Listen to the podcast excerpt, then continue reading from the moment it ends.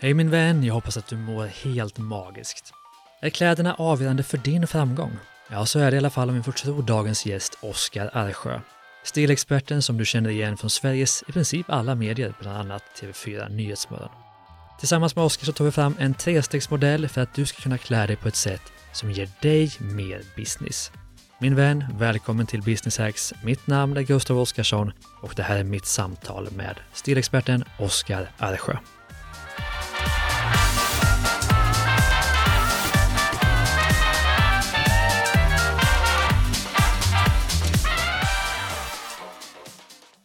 Hej och välkommen till Business Hacks, Oskar Arsjö. Varmt tack. Läget? Det är larvigt bra tack. Vad skönt, det var nog tio år sedan vi sågs. Eller Ja, mer, ja. 15. Ofattbart att vi är, ser yngre och mer eh, piggare ut idag än vad vi gjorde för tio år sedan. Verkligen. Hur gick det till? I alla fall jag tänkte jag säga. Men du, eh, alla känner ju inte dig även om du ofta syns i TV4 Nyhetsmorgon. Ja, Berätta vad vi ska ha på oss, i alla fall vi män. Försöker tipsa lite grann, exakt. Min Instagram och eh, i alla tidningar och typ radiokanaler och tv-kanaler du kan tänka på tror jag. Mm. Tror jag att jag varit med och tipsat om just det, hur folk ska kunna klä sig och klä sig till framgång många gånger. Mm. Och jag minns ju speciellt tipset om eh, pungkorta shorts. Ja, Jag ska inte gå in på det, men berätta gärna lite mer om eh, vad du har gjort och vad du gör idag. Ja, jag har haft en ganska fri roll inom modesverige skulle jag säga och Mm. kanske mer specifikt herrmodesverige. Som eh, min vän Jockum Hallin som grundade Our Legacy, ett klädmärke, någon gång sa att, att jag är modesveriges libero. Jag har en, en, fri roll, Mhm. kan springa lite upp och ner och göra lite som jag vill. Så jag har, det har varit fantastiskt och jag har eh, marknadsföringsutbildning från början, universitetet och sen så därefter så tänkte jag att det här med mode och journalistik var jättespännande och det som jag egentligen brann för och ville hålla på med. Så då hade jag glädjen att starta Sveriges första modemagasin för män en gång i tiden som heter Man. Den eh, lite äldre lyssnaren kanske minns den här tidningen. Mm. Det var väldigt roligt, det här var ju någon gång 2008 eller någonting sånt kan jag tänka mig. Jag är lite dålig på år, tycker inte det är så viktigt att titta bakåt, blickar Mm. hellre framåt, men där någonstans tror jag att det var.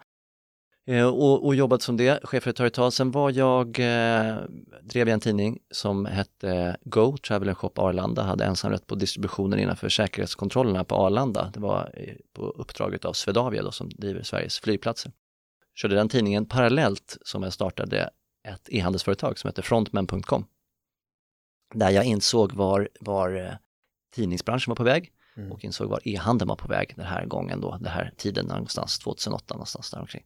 Och eh, du gjorde det här parallellt, så jag, drev, det- jag tjänade pengarna på att driva den här tidningen och under tiden kunde jag då starta upp det här e-handelsföretaget och sen kliva, byta plattform så att säga, när, eh, när det bar sig. Mm.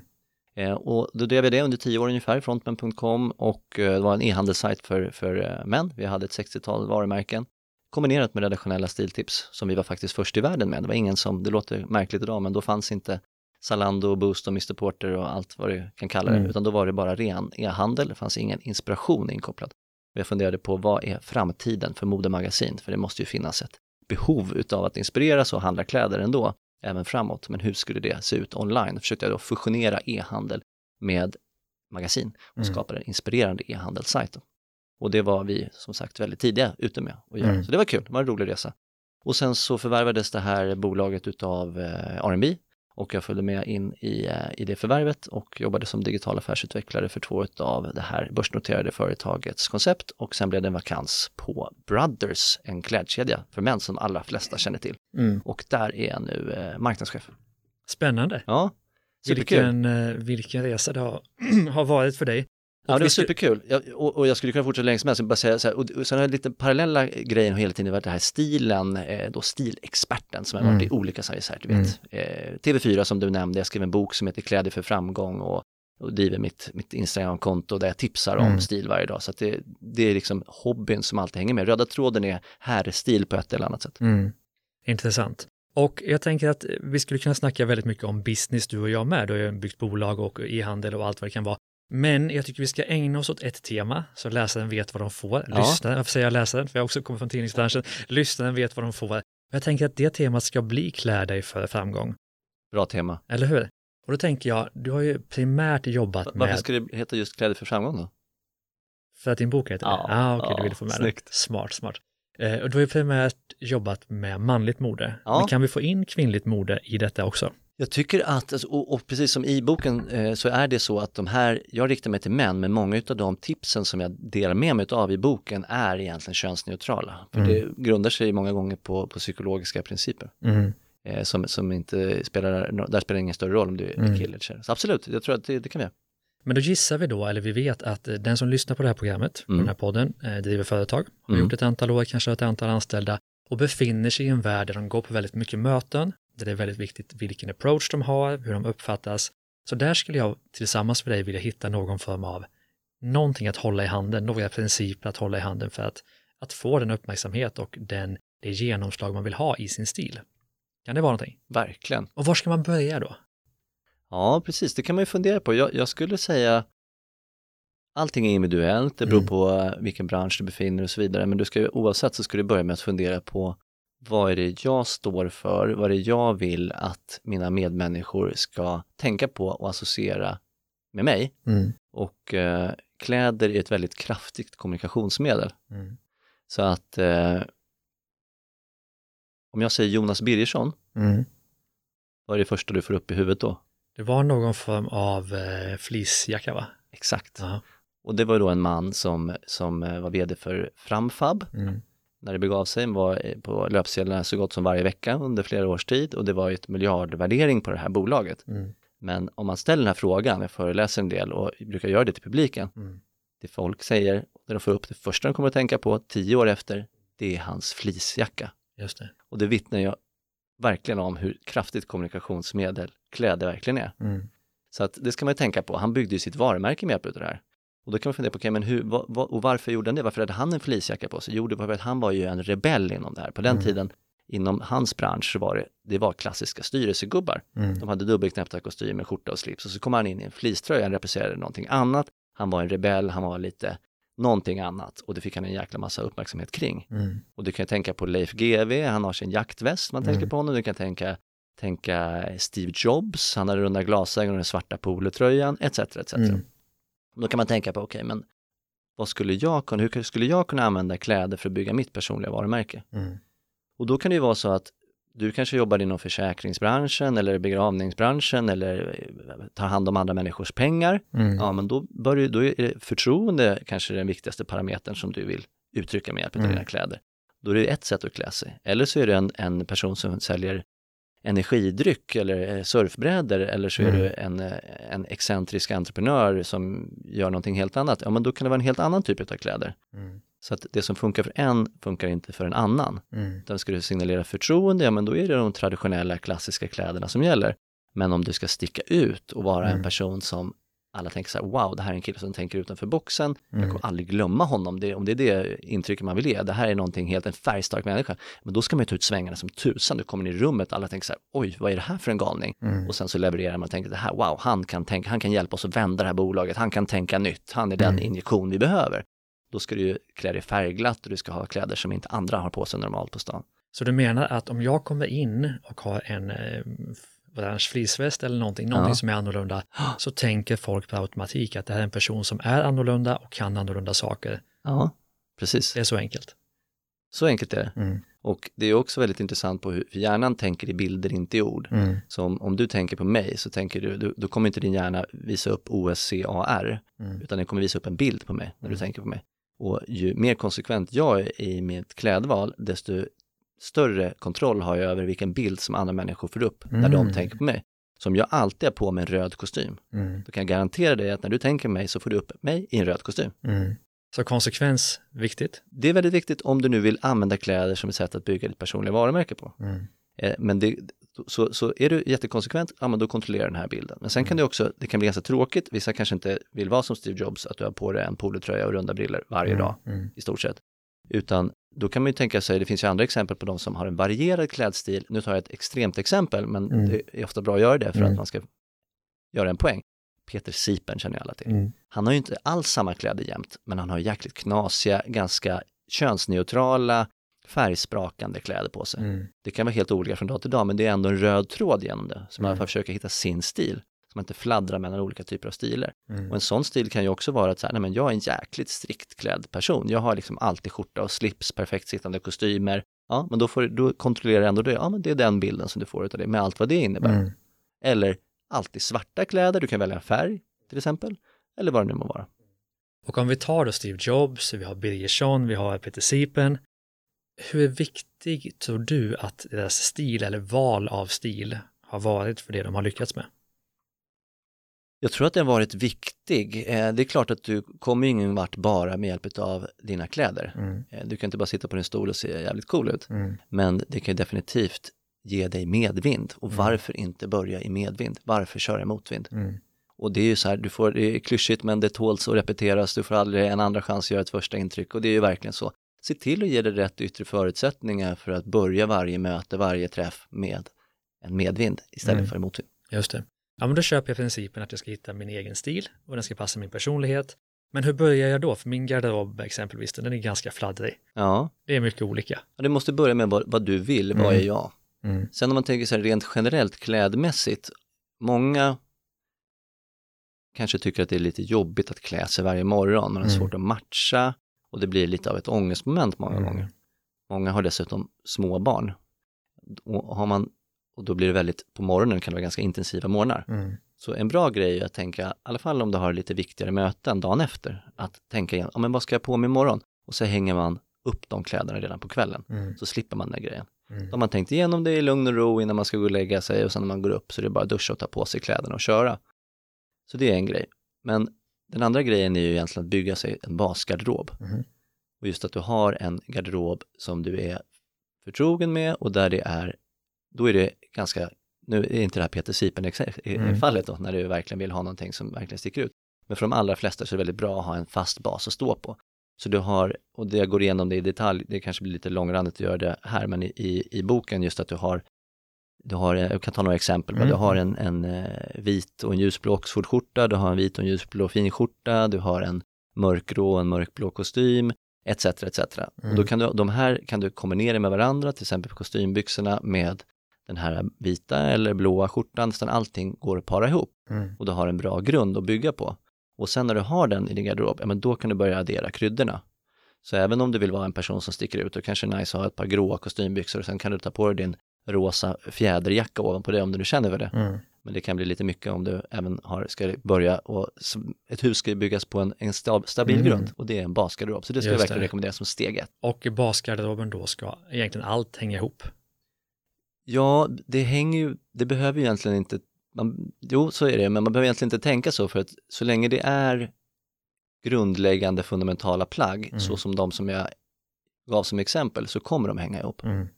Så att när man köper den typen av neutrala, tidlösa plagg, så är det väldigt lätt att kombinera dem med varandra, för de Mm. kommer att hänga ihop. Just det. Så första steget är att bygga en basgarderob. Ja, men det, det skulle jag säga, och det är egentligen oavsett om, om du vill klä dig som företagare eller som privatperson som bara känner att så här, jag, vad är min stil, jag behöver verkligen kläder. Mm. Ja, Då är det väldigt bra att göra det. Så man gör en inventering, man hittar någon sån lista som finns i min bok eller finns säkert på andra ställen också. Vad, vad ska en basgarderob innehålla? Och så till inventering, ja men jag har de här, jag kanske, har, kanske redan har hälften, okej Mm. bra, så köper man upp sig på den andra hälften. Och sen så börjar man fundera, okej men vad, vad vill jag nu, vad är det som ska göra mig speciell i min Mm. yrkesroll, vad är det folk ska associera med, men jag är jäkligt kreativ, reklamig, eh, techig eller vad det är för någonting. Mm. Ja men då kanske det liksom är en svarta polotröjan eller vad det nu är för någonting som är bra. Eller jag, jag står för en lite rockigare stil, ja men då blir ju skinnjackan och jeansen jäkligt viktiga eller, Mm. eller vad det nu är för någonting. Och sen så adderar man den typen av plagg och ser till att sätta sin personliga Mm. touch på det. Men bygger man upp basgarderoben så undviker man många gånger den här klädångesten som faktiskt ganska många dras med. Mhm, mm. Inte du? Nej, det kan jag väl inte påstå. Men är det, vad ska man säga, är det eh, för få tycker du som vågar verkligen ta ut svängarna när det gäller stilen? Ja men absolut, Ja. det är det ju. Jag, jag tror just att man underskattar klädernas kraft som kommunikationsmedel. Mm. Det är jäkligt starkt. Mm. Och du vet att det, när du träffar en person så minns den personen bara mellan 10 och 20 procent. Det är 10 procent av det intrycket som du lämnar Mm. utgörs utav vad du har sagt. Mm. 80 till 90 procent av det intrycket som du lämnar på den här personen Mm. utgörs av andra faktorer. Såsom ditt kroppsspråk och hur du ser ut, hur du klär dig. Mm. Så den absolut största delen av det intryck du lämnar har inte att göra med vad du har sagt för någonting. Mm. Många gånger så kan man ju, jag vet själv tidigare, man kunde säga Åh, varför sa jag just det där ordet där? Men folk tänker inte på det, folk glömmer bort det. Mm. Däremot så kommer de ihåg hur det såg ut. Mm. Tycker man vad illa om det, det är ytligt, men det är så hjärnan fungerar. Hjärnan är Mm. uppbyggd kring bilder, inte kring ord. Mm. Så man börjar med att, att fundera på vem man vill vara och hur det kopplas ihop med sin yrkesroll. Man driver företag i begravningsbranschen kanske man inte ska ha en fjäderbo, eller så ska man ha det, det får man bestämma själv såklart. Ja, om du ska ha en, en nisch då som begravningsentreprenör ja. så kan du göra det. Och det här är precis, det är superintressant mm. och, och, då kan man tänka så här, nej men det, det här är folk runt om i landet och varierande business här, men, mm. men det mm. jag skulle säga, så kan jag tänka, men det här gäller inte mig, det här, här är, är för andra typer av bolag, men så här, mm. det är väldigt få bolag det inte gäller skulle jag säga. Mm. mm. Och det är nästan, du har, du har mest möjlighet om du är i en bransch som är omogen i det här sammanhanget. Mm. Som jag hjälpte en, ett, ett elskåpsföretag med det här. Elskåpsföretag? Exakt.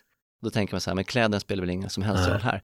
Men det var precis så vi gjorde, för de ville inte vara som alla andra elskåpsföretag, utan de ville göra färgglada elskåp. Alla andra gjorde vita eller gråa elskåp. Och de gjorde rosa etc. Mm. Ja, men då måste man ta det hela vägen. Då måste ju också personalen klä sig i färgglada kläder. Och när de mm. var på mm. mässa så anlitade de mig, alltså, så kittade jag upp alla deras, eh, eller deras personal som ska vara på den här mässan. Mm. Så när de gick runt, alla andra gick runt i, i ja, blåkläder eller alltså arbetskläder mm. med mässan och så kommer en, en person som har så färgglada modekläder på sig. Mm. Och där kommer en till som, vad är det här för någonting? Och så skapade de på kläderna nyfikenhet och kunderna älskade det. Och så kom de till den här montern och där var de här färgglada edskom. Så allting hänger ihop på mm. kläderna i en bransch som gör, som normalt sett inte gör det, gör en enormt stor skillnad. Så du kan egentligen bygga din egen nisch och egentligen bygga din egen framgång, inte på produkterna du har, inte på tjänsterna du har, utan enbart på att klä dig annorlunda och måla dina produkter i en annan färg. ja, alltså, så kan man ju säga. Så enkelt är det. Du behöver inte skapa något eget egentligen förutom det. Nej, så skulle man kunna säga det, absolut. Men man kan också se det som att, att använd kläderna för att förstärka det unika som du har i ditt mm. bolag. För förmodligen har du ett unikt tankesätt också om du väljer att gå den vägen. Ofta, precis. Mm. Men många gånger så förbiser man den här delen. Mm. Och bygga ett varumärke handlar ju som du vet, och många som lyssnar, om alla kontaktpunkter mm. som kunden har med dig som bolag. Det är mm. allt ifrån hur du svarar i telefonen, till hur din logga ser ut, till din hemsida mm. ser ut, till hur produkten är, till vilket bemötande du får, till hur de här personerna som du träffar ser ut. Mm. Så därför gäller det att tänka på alla aspekter och då är kläderna viktiga. Och, och ett så enkelt och förhållandevis billigt sätt ja, att, att göra det på. Absolut. Så sen skapar man sin, sin basgarderob och när man har gjort det då, vad blir nästa steg då? Ja, nästa steg då, det är ju att fundera på, på hur ska jag vara annorlunda? Hur ska jag sticka ut? Vad vill jag stå för? Och vad är det mm. för plagg som jag ska addera till det här? Mm. Och då är det så här, ja, men jag vill signalera, det ska vara som sagt, det ska vara trovärdighet, det är det viktigaste för mig, mm. stabilitet, förtroende. Ja, då ska du klä efter det. Eller så är det galenheten eller så är det, är det tecken eller, eller vad det nu är för någonting. Mm. Just det. Men finns det några, alltså alla behöver ju sin egen stil såklart, det är det som är grejen med att, att ja. sticka ut. Men finns det några generella stilregler som alla borde följa? Det gör det, även om jag tycker det är viktigt att man ska hitta sin egen stil och det är ju lätt sagt för mig kanske som mm. jobbar med kläder. Det är det roligaste jag tycker. Vissa andra tycker bara att det är ett nödvändigt ont. Skulle, ont skulle vi gå upp som Gustav III på morgonen i kalsonger, sträcka ut armen och så är det någon som klär på en och så mm. går man ut och gör sin grej. Men försök ändå hitta din egen stil och känn dig inte begränsad av stilreglerna men lär dig som allting annat med regler, lär dig mm. reglerna och bryt mot dem sen om du känner för det. Men det är mm. bra att känna till dem. Och vilka är de, de viktigaste? Det finns ju många, men jag ska säga en. Mm. Och det är egentligen ingen, ingen nerskriven regel, men det är att tänk på passformen. Det kan inte nog understrykas. Om, du känner, om du inte känner att du klarar av det själv, så hitta någon som du kan anförtro dig till, till exempel en duktig butiksexpedit mm. i någon klädbutik. Eller en kompis som har bra stil och referens. För att även hur, det spelar ingen roll hur dyra kläder du köper eller hur genomtänkt du har, hur mycket du har tänkt på kläderna, om de sitter illa. Mm. Den där kostymen som, som kostar 20 000 och är egentligen jättesnygg, om den är, är en eller två storlekar för stor eller byxorna för långa eller ärmarna, men då får du inte det intrycket du vill ändå. Mm. Och därför tänk extra mycket på passformen, ta hjälp om du behöver det och hitta en, en skräddare som kan hjälpa dig att göra de justeringar som finns. För alla har ju inte sån kropp så att de bara kan ta, gå in i butik, välja valfri galge och sen ta på sig det så mm. sitter det perfekt. Utan då lägger man en femhunka kanske så, så kan det sitta riktigt, riktigt bra. Just det. Men det finns väl också personal shoppers, tänker jag idag, man kan använda? Det finns det. Mm. Var finns de? Ja, det, det, finns lite här och där. Det finns ju ofta de större varuhusen erbjuder mm. ofta det och många av de större klädkedjorna erbjuder det. Just det. Och sen så eh, kan det ju vara bra att om man hittar en butik som man gillar och etablerar en relation kanske med butiksägaren. Butikspersonal har en tendens att bytas ut ganska ofta men om mm. butiksägaren själv är aktiv på golvet så kan det vara bra att försöka bygga en relation med den personen så han lär känna dig vad du vill ha för någonting. Jag mm. hjälper en del personer eh, selektivt med ofta företagsledare, vad, mm. hur de ska kunna klä sig och då vill jag ju förstå vad, vad ska du ha grejerna till då? Mm. Och är det, till, ja, men är det din feststil som du känner, eller är det vardagsstilen, eller är det jobbstilen, eller vad är det för stil som du behöver hjälp med, Mm. och vad är det för olika sammanhang du rör dig i, och vad är, har du några stilförbilder, hur vill du se ut och vad är det du vill förändra, och vad har Mm. du i garderoben idag? Och får du en sån relation med en person så blir det väldigt mycket enklare sen. Det tar lite tid att bygga upp relationen och han måste sätta sig in i dig, men om du förklarar att du har långsiktiga intentioner med honom så övertygad, eller henne, så är jag övertygad om att personen i fråga kommer ta sig den Mm. tiden. Just det. Men om vi vänder på det du jobbar med en del som du hjälper att, att hitta sin stil. Och om vi tänker i affärssammanhang, vilka är de vanligaste misstagen du ser just när det gäller stilen? Ja, det är, det är passformen, absolut. Mm. Det är ju eh, alltså den genomsnittliga kontorspersonen i Sverige och jag förundras varje, varje gång man går på större mässor och konvent och event. Mm. Du, du har ju många sådana. Lägg märke till det nästa gång. Alltså, det är väldigt, väldigt många som har ett par mörka jeans, en skjorta, blå eller ljusblå, kanske Mm. rutig eller randig och sen en mörkblå eller grå kostym, Mm. lite för stor Mm. och ett par skinnskor till det. Mm. Och på så sätt så säger du absolut ingenting om vem du är som person. Mm. Du klär dig för att smälta in, inte sticka ut. Och det är ingen som kommer bli nyfiken på dig baserat på vad du har på dig. Mm. Och det är ju spännande när du säger det, för vi har ju event över hela Sverige, det kanske kommer 200 pers, alla driver företag och alla ser likadana ut. Men sen kommer det alltid två, Aha. eller fem, Ja. eller sex, väldigt få, kanske en, två procent max av alla deltagarna. Jag kan se att de här människorna antingen har lyckats eller kommer att lyckas. Mm. Och det finns ingen logik i att jag, att jag ser det. Nej. Jag bara antar det Mm. för att de har en stil som säger det. Mm.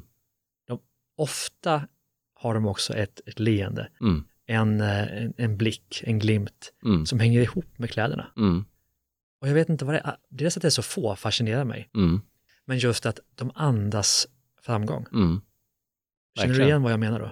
Absolut, absolut. Och om man inte har nått dit än så, så ska man ju act like you want to become, eller vad säger man? Mm. Det var en väldigt eh, konstig omskrivning av det ordspråket.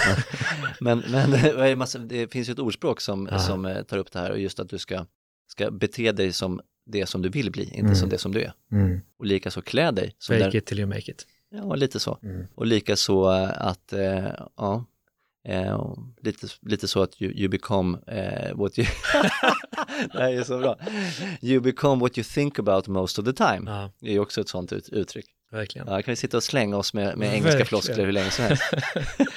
Magiskt. Men du har väl fler stiltips som kan eh, liksom, vara, vara nyttiga, viktiga för gemene man, kvinna? Jag antar jag boken är ganska tjock, den ligger framför mig.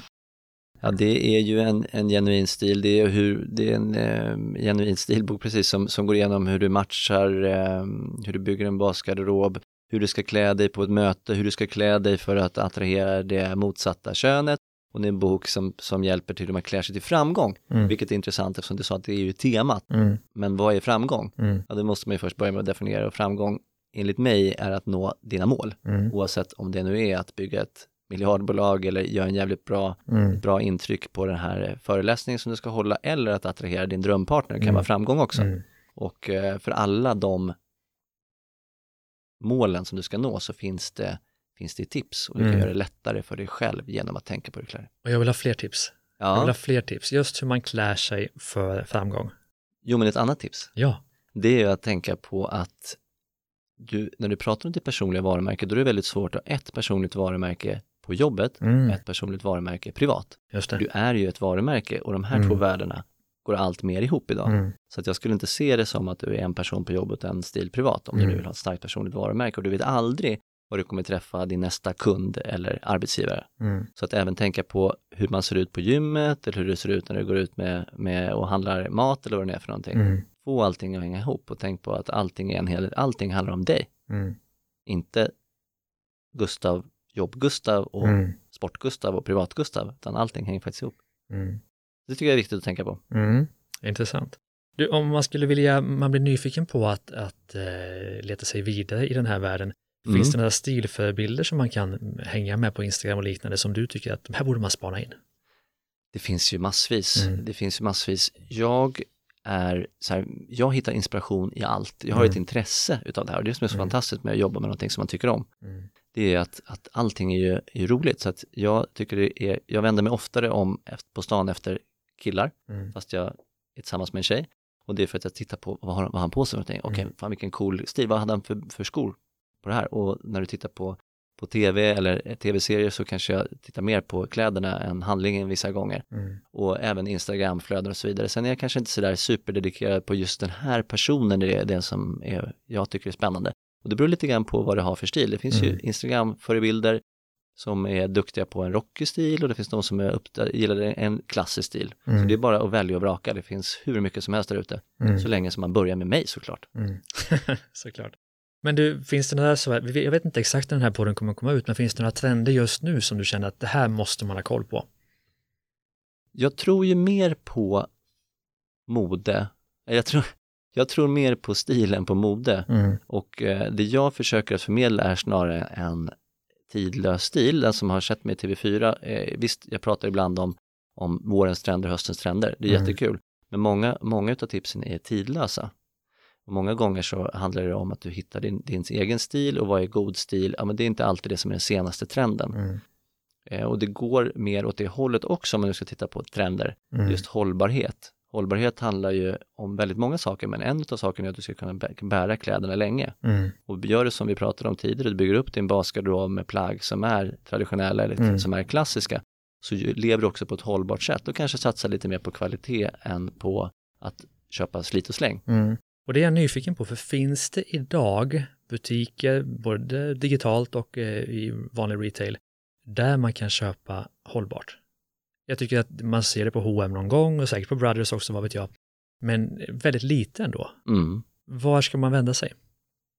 Det, det finns det. Det finns det. det är, och det, det här är ju intressant. Det är Mm. väldigt intressant eh, med H&M till exempel då, som är duktiga på att kommunicera hållbarhet. De Mm. har en conscious collection tror jag de Just kallar det. det för, som Mm. de trummar ut och sådär. Och det är ju superbra att de tar det här på allvar. Men man ska också eh, sätta saker och ting i sitt sammanhang. Och jag har tagit del av undersökningar som visar hur hållbara företag uppfattas vara. Och H&M Mm. uppfattas som ett ganska hållbart företag. Mm. Men Electrolux, Ericsson och H&M tillsammans släpper ut mer skadliga eh, ämnen för miljön än vad hela Sverige gör tillsammans. Mm. Så att det är inte så jättehållbart företag, Mm. vilket är helt sjukt. Och det är ju så att hela klädbranschen i sig är ju egentligen inte superhållbar. Mm. Men vi vill ju klä oss, vi måste ju klä oss. Så därför satsa på, på kvalitet, satsa på plagg som du kan bära länge. Det är Mm. mitt tips. Men det finns ett företag som Mm. jag tycker är spännande. Många företag gör det här bättre och bättre. Brothers där jag jobbar på gör det väldigt bra, inte kommunicerat det så mycket, det ska Brothers bli bättre på. Mm. Men det finns de som är specialister som är så här, hållbarhet är deras främsta kall och deras Mm. främsta USP.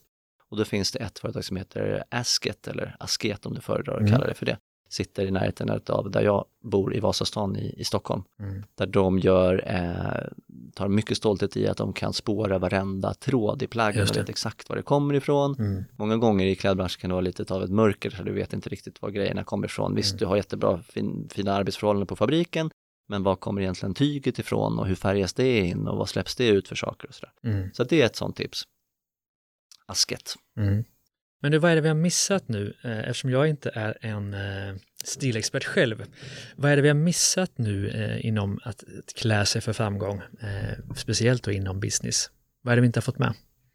Ja, en sak är ju att, just som vi kanske ska understryka lite mer, att det gäller att klä sig efter sammanhanget. Mm. Så hur ska jag klä mig på arbetsintervjun? Mm. Det är en fråga som jag får många gånger. Jag, ska, Mm. jag söker ett nytt jobb, jag ska gå på en arbetsintervju, hur ska jag klä mig? Ja, det beror lite på vad det är för jobb som du söker. Och folk gillar andra folk som är som de själva är. Mm. Så om du kommer, i alla fall i ett anställningssammanhang, till en, eh, du ska jobba inom finansbranschen och så kommer du i en, i en rock-t-shirt och ett par trasiga jeans, Mm. nej men det blir såklart inte så rätt. Men det kan också bli lika fel åt andra hållet, att du kommer till det här IT-firman i din dubbelknäppta kostym. Mm. Så försök innan du ger dig in i en arbetsintervju att titta på hur klär sig folk på det här jobbet. Mm. Så du har möjlighet att anpassa din klädstil efter det jobbet som du faktiskt är ute efter. Mm. Eller den kunden du vill möta. Eller den kunden vi möter om det inte Mm. gäller ett- en arbetsintervju, absolut. Just det. Intressant. Men du, om vi... Och när det kommer till säljmöten, Mm. då blir det också lite grann på, Ja, men den är spännande. ja men den är lite Mm. spännande. Där gäller det ofta, och många känner ju till exemplet med bilar, som om du sladdar in i en, i en eh, lila Ferrari till det här Mm. mötet, då börjar kunden undra så här, man betalar nog lite för mycket för den här, de här produkten egentligen. Mm. Och lite samma sak är det med klädstilen. Mm. Om du har en, en skinande kostym och en jättestor guldklocka, så här, det signalerar ju lite fel grejer i de Mm. flesta fall. Vissa gånger så handlar det bara om att få kunder att förstå hur jäkla cool du och den här produkten är och Mm. det här är, ger framgång. Ja, men då kan, det är ett undantag. Men i de allra flesta fall så lönar det sig med en lite mer nedtonad stil. Mm. Man håller sig till en stil som inte sticker ut allt för mycket när det kommer till det. Mm. Ska vi fastna lite i det? Eh, För det är spännande med inte bara kläderna utan allt annat som har med utseendet att göra. Det kan Ja. vara en bil, det kan vara en cykel, det kan vara en klocka, Ja, det kan vara vilken frisyr du har, att du har skägg eh, och det kan vara naglarna, visst. det kan vara att skorna är lite smutsiga, det kan vara hur mycket som helst. Ja. Va- vad finns det där för tips att ge? Hel och ren är ju naturligtvis eh, första tipset. ja, men det är ett bra tips. Mm. Och- sen just det som vi pratar om framgång, så Mm. enligt mig så är det två faktorer som är superviktiga för att nå framgång. Det ena är självförtroende Mm. och det andra är energi. Mm. Och det gäller att klä sig på ett sätt som ger dig själv energi Mm. och självförtroende. Just det. Och när du går ut på morgonen, Magnus Härenstam är ju ett fantastiskt exempel som är relaterat, just att han, han var en komiker som tyvärr Mm. har gått bort idag för den som inte känner till honom. Men han tänkte så här, ingen vill ju se en sur Magnus Härenstam. Så han gick inte utanför dörren innan han kunde dra upp ett brett leende. Så han stod Mm. framför spegeln och drog i mungiporna riktigt sura dagar Ja. innan han gick ut genom dörren. Spännande. Och det är lite samma sak som jag tycker man ska göra själv med kläder. Man står i spegeln, om du gillar det du ser, du har tagit på den här outfiten och det, alla har ju varit med om det någon gång att man har tagit på sig, skaffat en, en ny outfit eller en ny tröja, en ny jacka eller en ny skjorta eller någonting Mm. som får dig att känna så här, fan det här, wow vad cool jag ser ut nu. Mm. Om man får den känslan när du ser dig själv i spegeln, i halsspegeln på morgonen när du ska Mm. gå ut och ta över världen, Mm. då kommer du både få energi och du kommer få självförtroende. Mm. Och om du tror på dig själv så är chansen såklart oerhört mycket större att andra också kommer att göra det. Mm. Så det är verkligen en grundgrej, att klä dig på ett sätt som får dig att få självförtroende, energi. Det är verkligen fundamenta när det kommer till att klä sig till framgång. Mm. Jag blir nyfiken på, på dig, hur mycket tid lägger du på din stil dagligen? Ja, men jag har gjort det ganska enkelt för mig själv. Jag har Mm. byggt upp den här basgarderoben som vi pratar om. Mm. Jag har ett antal go-to outfits som jag vet att alltid funkar Mm. och jag har nischat ner min klädstil ganska mycket färgmässigt. Mm. Så att jag är inte så fladdrig när det kommer till, det finns de som klär sig superbra och bygger sitt personliga varumärke genom att vara supertrendig hela tiden och ha Mm. det ena coola grejerna på sig. Jag har lite mer av en klassisk stil och jag håller mig i en väldigt avskalad färgskala. Jag klär mig Mm. mycket svart, grått och på sommaren mer i vitt, olivgrönt och kanske lite beige. Mm.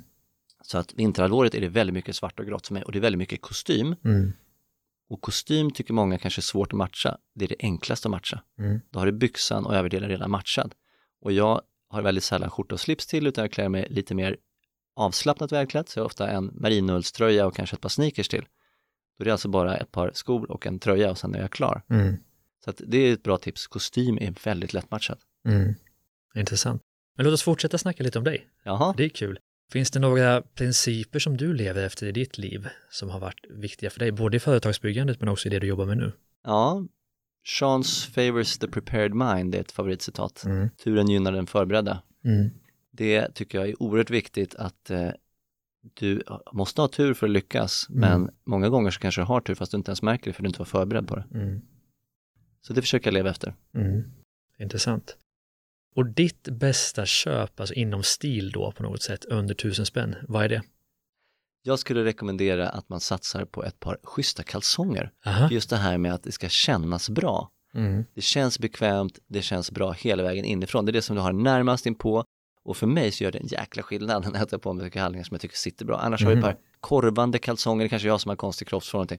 liksom sitter fel eller de skaver eller de är för varma eller de är för små eller för stora eller vad det är för Mm. någonting. Men har de här riktigt schyssta kallingarna, det tycker jag är ett superbra tips. Det kostar inte särskilt mycket, men väl kalsonger med omsorg skulle jag säga. Ge mig ett brand, ett märke. Jag tycker CDLP är bra, intressant eh, företag för övrigt att följa. Mm. Eh, Jonas Åkerlund, eh, filmskaparen, sitter i styrelsen där och eh, en kompis till mig som, är- som driver det. Ett intressant företag, inspirerande på många sätt och de, Mm. nu svävar vi iväg här, men de, om man vill titta på dem lite grann så har de gjort någonting väldigt kul med förpackningen. Förpackningen är jätteviktig, det är inte bara Mm. produkten som är viktig, det är också förpackningen som är viktig. Så om du går till ett varuhus som NK till exempel, då ser man inne på underklädesavdelningen de här förpackningarna direkt, för de har knallgula förpackningar med vit Mm. text. Mm. Skiljer sig från allt annat där. Det är inte så jäkla svårt att sticka ut egentligen. Tänk Mm. lite grann bara och tänk på det yttre, tänk på vad fångar egentligen ögat? Mm. Men- Men spännande, då kommer vi ju osökt in på ett ämne vi inte skulle snacka om och det är ju business egentligen och, och Ja. din business och Ja. det kopplar jag ju väldigt mycket till e-handel naturligtvis. Mm. Hur ser du, om vi tittar både bakåt och framåt, vad är nycklarna för att lyckas med e-handel idag?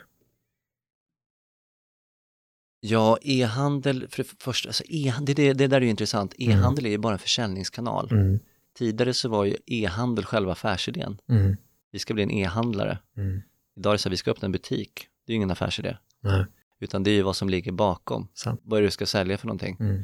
Och sen när du väl, eh, jag har ju varit med om att eh, accelerera då till exempel Brothers som vi kom in i var en väldigt liten del av omsättningen och sen så Mm. på ett år så tog jag den till en betydligt större del av omsättningen. Mm. Resan är fortfarande lång men jag accelererade väldigt snabbt Mm. med hjälp av mina superduktiga kollegor självklart, ska jag inte Mm. på marknad för det, men jag ledde i alla fall arbetet. Och det är ju så här, det finns ingen magisk knapp att trycka på utan det är alla parametrar så du måste titta på, okej men hur, hur marknadsför vi oss? Hur, vad har vi för villkor? Har vi missat något betalningsvillkor? Är det fri frakt som efterfrågas? Eh, Etc. etc. Till hur presenteras produkterna? Och hur får vi kunderna att handla igen? Mm. Så det, är, det är alla parametrar som måste tryckas på på samma Mm. gång och har vi rätt produkter? Vi la, och du kan micromanagement, alla vad pratar om, om e-handel, jag har snöat ner mig otroligt mycket på, eller Mm. snöat in mig otroligt mycket på, på detaljer på e-handel genom åren och suttit och konverteringsoptimerat hela Mm. sajter och du är duktig på, på eh, du har jobbat med mycket med SEO och du har jobbat mycket med, med sajtkonvertering också gissar jag Mm. Mm. och tittat på en produktsida, gjort om den helt, analyserat etc. etc. För att komma fram till, efter vi gjort om sajten till det som var superbra produktsida på alla sätt och vis. Mm. Jag var jättestolt över den tillsammans med Mattias, min kollega Mattias eh, Hulvén som, som var designer.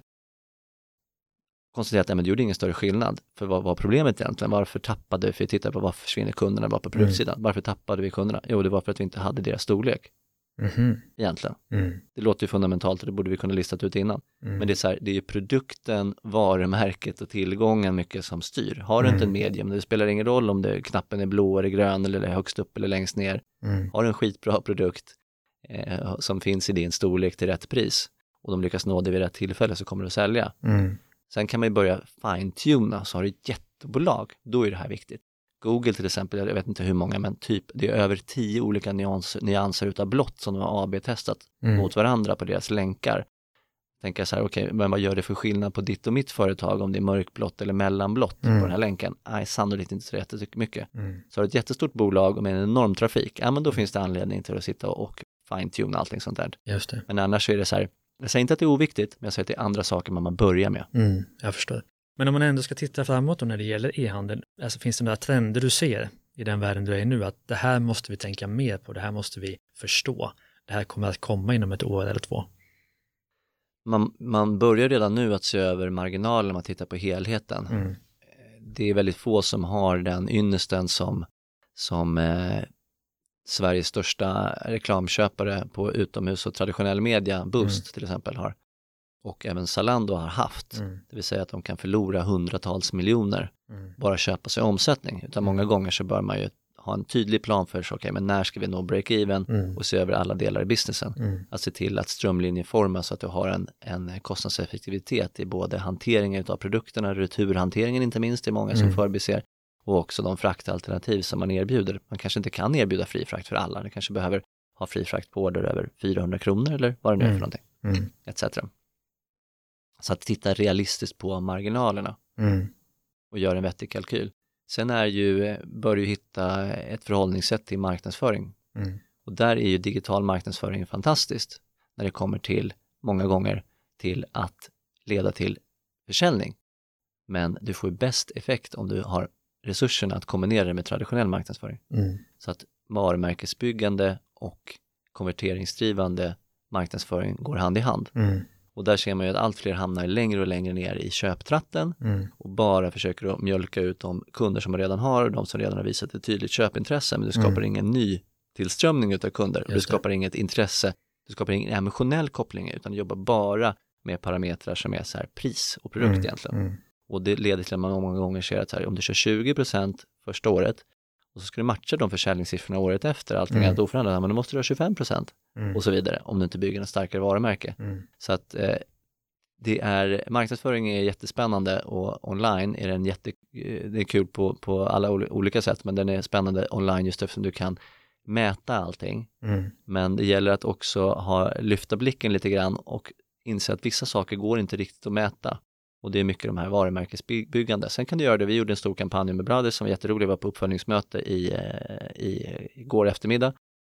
där vi tittade på, på kampanjen, vilka resultat det gav. Och där kan du, då har man en panel med eh, personer då som svarar på innan, vi gjorde en nollmätning innan och sen en kampanjuppföljning efteråt, titta på hur har deras attityd till, till varumärket förändrats, Mm. eh, vad tycker man? Och så har man olika parameterfrågor om Brothers modegrad eller vad det nu var för någonting, kvalitetskänsla eller vad Mm. var för någonting. Referens. Så du kan ju mäta det på så sätt kan du göra, men du kan inte göra det på, på samma sätt på varje dag att du tittar på, okej men nu konverterade det här si så många procent och det kostade mig x antal kronor att värva just den här kunden. Mm. Och det vi kom, kokar ner här till är så här, det är lätt att stirra sig blind på siffrorna. Bara för att allting går att mäta teoretiskt så är det inte säkert att man ska mäta riktigt allting, utan man kanske måste tänka på helheten kring det hela. Mm. Okej, den här, den här stora tunnelbanekampanjen som gjorde, men vi kan inte mäta, vi kanske inte räknar hem den kronan här, Mm. men det kanske kommer göra att de här supermätbara eh, performance marketing eh, nyckeltalen kommer att förbättras på sikt. Mm.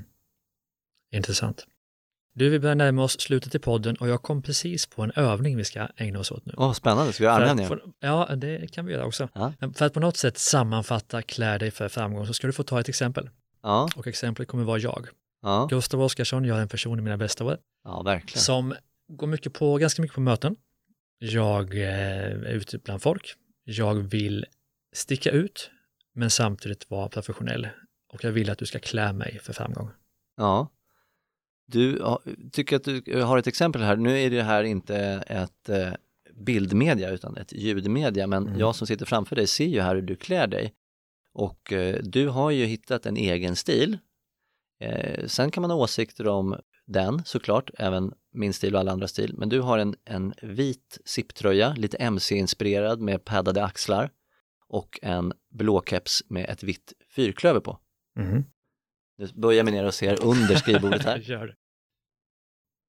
Ja, med, med ett, ett par gråa, jäkligt snabba, lite futuristiska sneakers till. Mm. Och redan där har ju du en stil och jag är övertygad om att du är en av de här personerna som är i rummet, om du var, du nämnde själv som exempel de här träffarna som ni har, de här seminarierna, det är Mm. alltid ett par sådana personer. Du är en av de personerna. Tack. Men du får ändå klä om mig. Ska jag klä om Jag tar av mig dig? min keps. Så får du klä om mig. Ja, äh, Det ger mig en helt ny stil. ja, då skulle jag ju börja med att prata, ha ett långt samtal med dig om vad det är du vill uppnå egentligen. Mm. Vem är det du träffar? Vad är det du står för? Vad är dina unika egenskaper? Och vad är det för, för intryck du vill lämna de personerna som du har träffat med efteråt när du har gått ut ur rummet? Mm. Och det här bo, du ska ju vara ett med, du är en entreprenör, du ska ju vara ett med ditt bolag. Mm. Där måste vi börja med att titta på, okej, men vad är det? Jag är inte så insatt i din verksamhet så att jag direkt Mm. kan säga att du ska ha de här, de här plaggen. Men vi hittar på det då. Ja, Vi tar den här tiden. Jag vill uppfattas som en person som vågar tänka annorlunda, som vågar sticka ut, men som man ändå trivs att vara med, som inte sticker ut för mycket. mm, Men en, en, en nytänkarperson, mm, eh, en entreprenörspersonlighet som, eh, som har en edge. mm, Där någonstans vill jag vara. mm. Hjälper det dig? Ja, nej men då tycker jag att du ska våga sticka ut kanske ännu lite mer. Om du Mm. tittar ner till så har du ett par ganska konventionella blå mellanslitna jeans. Mm. Ehm, och eh, du ska också överväga den här kepsen skulle jag säga då. Mm. Om du tycker att det, det kan ju vara en del av ditt varumärke. Mm. Men det gör ju också att du känns ju, du känns lite yngre. Mm. Det kan vara positivt. Eh, det känns lite lekfullare. Mm. Det kan också vara positivt, men det kanske inte ger ett lika sta, så här, seriöst intryck som du skulle kunna göra annars. Mm. Eh, så att eh, kanske skippa kepsen. Jag tycker du ser väldigt bra ut utan, eh, utan keps. Eh, och sen så fundera på vad du har på underkroppen också. Mm. Jag tycker att den här tröjan gör jobbet. Alltså, det här är ett plagg som, som sticker ut på dig. Mm. Och det, det ser ju lite nästan ut som en racerförare. Mm. Du har ju en så kallad racerkrage Mm. på den här och just de här paddade axlarna som gör att det sticker ut. Och det är ett plagg som är väldigt iögonenfallande. Ett, en helt kritvit sipptröja Mm. med racingkrage, någon form av jacka ser det ut som. Så om du kombinerar det med ett par byxor som är eh, någonting annat än bara ett par jeans och ett par skor som sticker ut lite mer, kanske ett par lite mer utstickande sneakers. I dags, tänk om du skulle haft till exempel ett par, ett par, eh, ett par lila sneakers med en eh, lackad tå, Mm. en lila mockasneakers med en lackad tå, till ett par svarta byxor till det här i en, i en schysst passform och sen så den där jackan så blir det Mm. ju 100% skulle jag säga. Mm. Då skulle din look se ännu mer slipad och ännu mer genomtänkt ut och så Mm. skippar du kepsen. Mm. Och businessen kommer flygande, jag klär mig för framgång. Det, li- det och gör den kommer att le- förutsatt, förutsatt att när du Ja. har satt på de här kläderna och ser dig själv i spegeln, att du känner så här, fan vad bra, wow, det här är verkligen ett lyft för mig, jag gillar det här. Då kommer businessen att flyga. Om du när du- jag har satt på dig de här kläderna skulle känna så här, fan det här är inte jag, det här känns Mm. inget bra, då kommer det inte funka. Utan det hänger ihop med att du ska få energi och självförtroende utav de kläderna som du väljer. Det är Mm. superviktigt. Absolut. Oskar, jag ska på fest, du ska hem till barnen. Stämmer? Ska vi sammanfatta vårt samtal? Ja, det kan vi Vad göra. är ditt budskap till lyssnarna?